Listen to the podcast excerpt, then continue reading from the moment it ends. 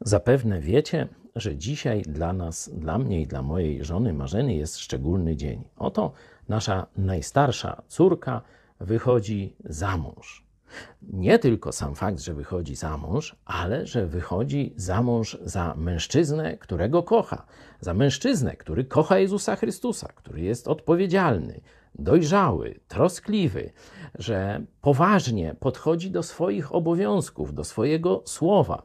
No i tu jeszcze mógłbym wiele różnych dobrych cech Szymona wymienić. Jesteśmy bardzo, bardzo radośni z tego powodu, że marzenie uniki się spełniło i że rzeczywiście jej wybranek jest człowiekiem, który i w nas, rodzicach, budzi wielki szacunek i radość. Ale teraz spróbujmy przenieść to na nasze życie chrześcijańskie.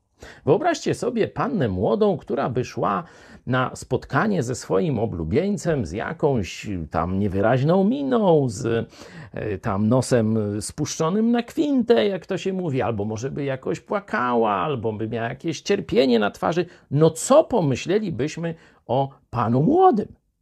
No, że ona go nie kocha, że jest jakoś niezadowolona, że jest zmuszana, że on może jej jakąś przykrość wyrządził i tak dalej. No, źle byśmy myśleli o panu młodym, gdyby oblubienica szła nieszczęśliwa. Jezus czeka na nas w niebie. My, chrześcijanie, jesteśmy oblubienicą Jezusa.